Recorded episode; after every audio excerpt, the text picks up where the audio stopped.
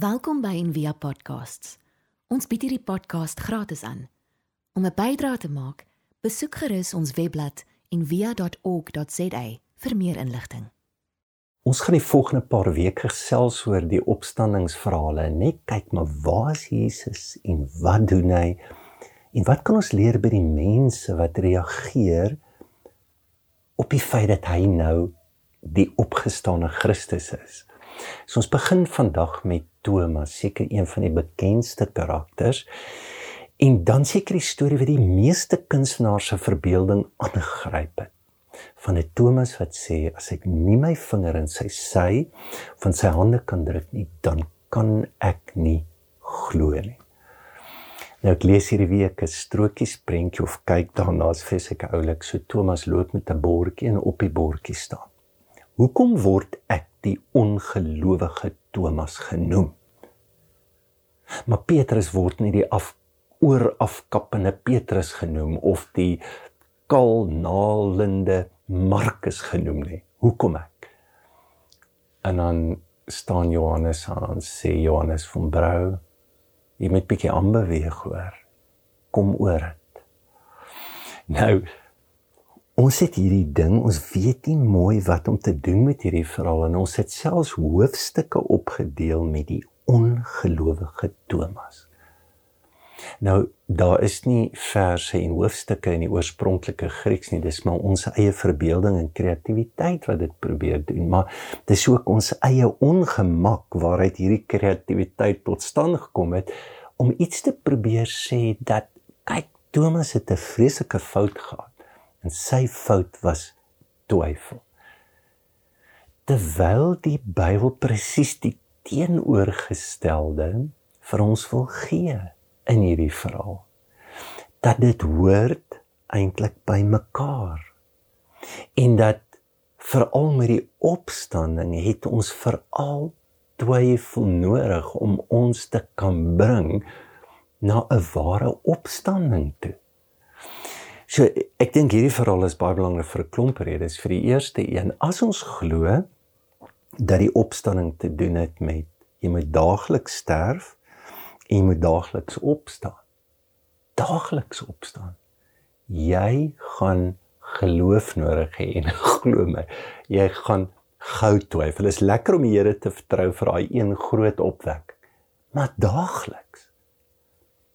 In die tweede plek dink ek Thomas is mos soos ek en jy, nee, ons soek ons geloof tasbaar fisies. Ek wil hê dit moet in die Bybel wees. Ek wil hê dit moet 'n wonderwerk wees. Ek moet dit kan sien. Dit moet materieel wees. Ons is maar menslik. En dan in die laaste plekkie verhaal nooi ons uit om te besef maar ons moet die feitelike moet ook versag word deur die ervaring wat ons met God het. Want die ervaring beïnvloed ook die feitelike hoe ons dink oor God. Hierdie is baie meer as net 'n debat wat tussen Jesus en Thomas aangaan. Sedert die middeleeue het van die skrywers hierdie woorde gebruik en dit word vandag nog gebruik in die teologie, katafaties en anafaties, ek het dit al genoem. Katafaties beteken met beeld en woorde, anafaties sonder beeld of woorde. Dis hoe jy na God toe kan gaan. Vandag gebruik ons woorde, beelde en dit help ons om God te verstaan. Maar ons kan ook sonder woorde, sonder beelde en dis die donkerte, die stilte, die misterie en dit is ook hier wat jy twyfel, twyfel lei jou ook in hierdie gedeelte in. So en ons moet sê In die eerste plek as ons hieroor praat dat geloof en twyfel is soos 'n muntstuk. Dis dieselfde, dis net die kruiskant van mekaar. En dat ons dit verskriklik nodig het. En dat deel is van elke geloofsheld. Dink maar aan Elia. Hy's op die berg, bid vuur af. Hy raak sommer kokkie. En dan die volgende hoofstuk sê onder 'n besembos wil hy nie lewe. En dit is baie maklik vir ons om ons lewe, ons wil ons lewe inleesing. So ons wil ook die vuur afbid en goed, maar as ons eerlik moet wees, dan het ons 'n klomp besemboste ook. En ons ons kanselleer dit. Ons ons wil nie na daai donkerte of daai plek na toe gaan nie. Jesus nooi vir Thomas in daardie plek in. Nou gaan altyd 'n konstante beweging wees in ons lewe van feite, van sekerheid na twyfel en dan 'n begeleiding in die misterie wat bestaan en die aanvaarding van misterie wat eintlik in alles bestaan. In my verhoudings, intellektueel, emosioneel, relasioneel. Dink maar net aan jou man of jou vrou. Ek bedoel, het jy 'n lysie wat jy presies haar of hom beskryf en nou weet jy en dis hoekom jy lief is? Nee. Jy 'n lysie gehad, maar is heeltemal iets anders dan nou. En dan is daar dieptes. Ek het tog sien hoe ou mense wat oud word dat dat daar 'n diep diep diep liefde verdiep want daar's plekke in ons plekke waarvan ons nog nie self weet nie. Hoekom? Jy's na God geskape. En om dit te eer is presies dit wat na vore kom. Ons kan miskien vinnig vra wat belangrik is. So wat jy oppiek van jou geloof. En ons moet 'n onderskeid maak tussen menslike geloof en godsdienstige geloof. Menslike geloof ons dis 'n dogma en nie feitelik en dan vra ons amper maar wat glo jy? Godsdienstige geloof is dit in God. Wie's God? Hy's oneindig. Hy hy hy, hy kan nie beperk word nie. Hy's ondeurgrondelik. Dit en dan vra ons nie eintlik meer wat nie, dan is dit maar wie's God? En ons weet hy's liefde. En dan kry jou verstaan oor die lewe heeltemal 'n ander betekenis. Dan sê ek nie hier besig met men, ja, as ek dit net beter van sê ja, ek weet hoe werk dit nou. Ek is reg. Ten minste het ek dit in pag nou. Maar dis eerder hoe help hierdie goed dat ek probeer verstaan my om die Here dieper lief te hê, om dieper te ervaar. En dan moet jy twyfel aan sekere goed wat jou keer en wat die liefde keer. Al klink dit reg, is die vraag presies dit want dis toevallig die laaste opstandingsvraag aan Petrus, jy weet, het jy my waarlik lief?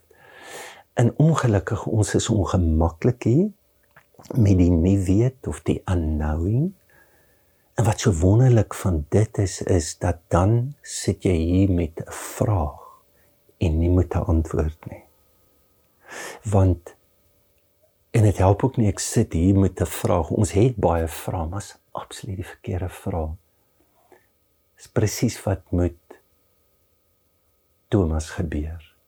Sy versoek van hoe hy dink hy gaan geloof kry is presies hoe hy dit nie kry nie. Nou hoekom sê ek dit?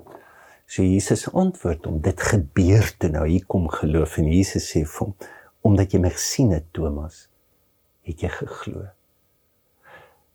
Wag so 'n bietjie, Jesus, moet dit nie wees omdat jou vinger ingedruk het in sy hande en in sy sy dat hy nou glo nie. Nee, nee, nee. Hier's 'n ou tema in die Bybel. Dat geloof ten diepste het te doen met hoe ons sien en God kan sien. Niks met feite te doen nie. So nou is baie verhale in die Bybel, dink maar na. So julle onthou Abraham kon nie 'n kind hê nie. Sy vrou stel voor kry 'n kind by my slavin Hagar, kry 'n kind, sy word swanger, maar sy raak bietjie cheeky. Hulle tel 'n groot stry op. Sy gaan in 'n depressie en sy loop in die woestyn en wil haar lewe neem. En dan ontmoet sy die Here. En dan sê die Here vir ek is El Roi, die Here wat jou gesien het. En dan sê sy omdat die Here my gesien het, het ek hom gesien. So met ander woorde die skuif kom deur 'n bewustheid van God wat reeds daar is wat ek nooit geweet het dat hy daar is nie. Wat gebeur met Jakob? Hy staan op, hy sê ek het nie eens geweet dat die Here daar was nie. Wat gebeur met Elisa? Hy gaan beklei, sê kyk hoe min is ons sê die Here. Uh, uh, kyk weer en hy weer kyk. Dan is daar 'n skare. Thomas het hierdie pad geloop. So die vraag wat jy moet vra, so waar was Jesus toe hy die nuus kry van hy het opgestaan en hy sê nee man asseblief julle is nie lekker nie was so waar was Jesus? Vir Thomas was hy nie daar nie. Jesus was daar. So Jesus was nie afwesig nie. Hy was dalk net onsigbaar. En dis die ding wat Thomas klik. Het jy gesien hoe verander alles? As jy weet iemand sien jou of iemand is daar, soos in 'n moltrein in 'n land, vreemde land en jy praat Afrikaans en jy maak aanmerkings en dan is dit Afrikaanse mense. Kom toe een jaar toe hardloop ek in my swaar koes in Londen en hy maak 'n aanmerking oor 'n ou. Toe ons verbygaan te sê die ou, "Hallo Tio, hallo Koos." en dit het hom gebreek hy het twee aande nie geslaap nie dit dit verander alles ehm um, en om te dink dat elke oomblik elke sekond kyk God na my jy gesien dat Paulus, hy skryf vir Timoteus, hy sê ek beveel jou voor God, voor Jesus en voor al sy engele. 1 Timoteus 5:21. Wat? Beveel jou voor God, voor jy vir hoekom? Hulle hou jou dop. Hulle sien jou. Dit verander alles. So die woord kontemplasie is presies dit. Hoe kyk ek? Hoe sien ek? En dan miskien net die laaste gedagte wat my ook opgeval het was, hoekom het God nie Jesus se wonde weggevat nie? Want ek dink hy wil hê Thomas moet ook iets verstaan dat Jesus is 'n verwonde Jesus en die kosmiese Jesus is self verwond en hy dra die wond van die hele skepping. En as ons dit nie sien en dit ervaar nie, sal ons ook nie die realiteit van 'n verwonde skepping kan aanvaar nie.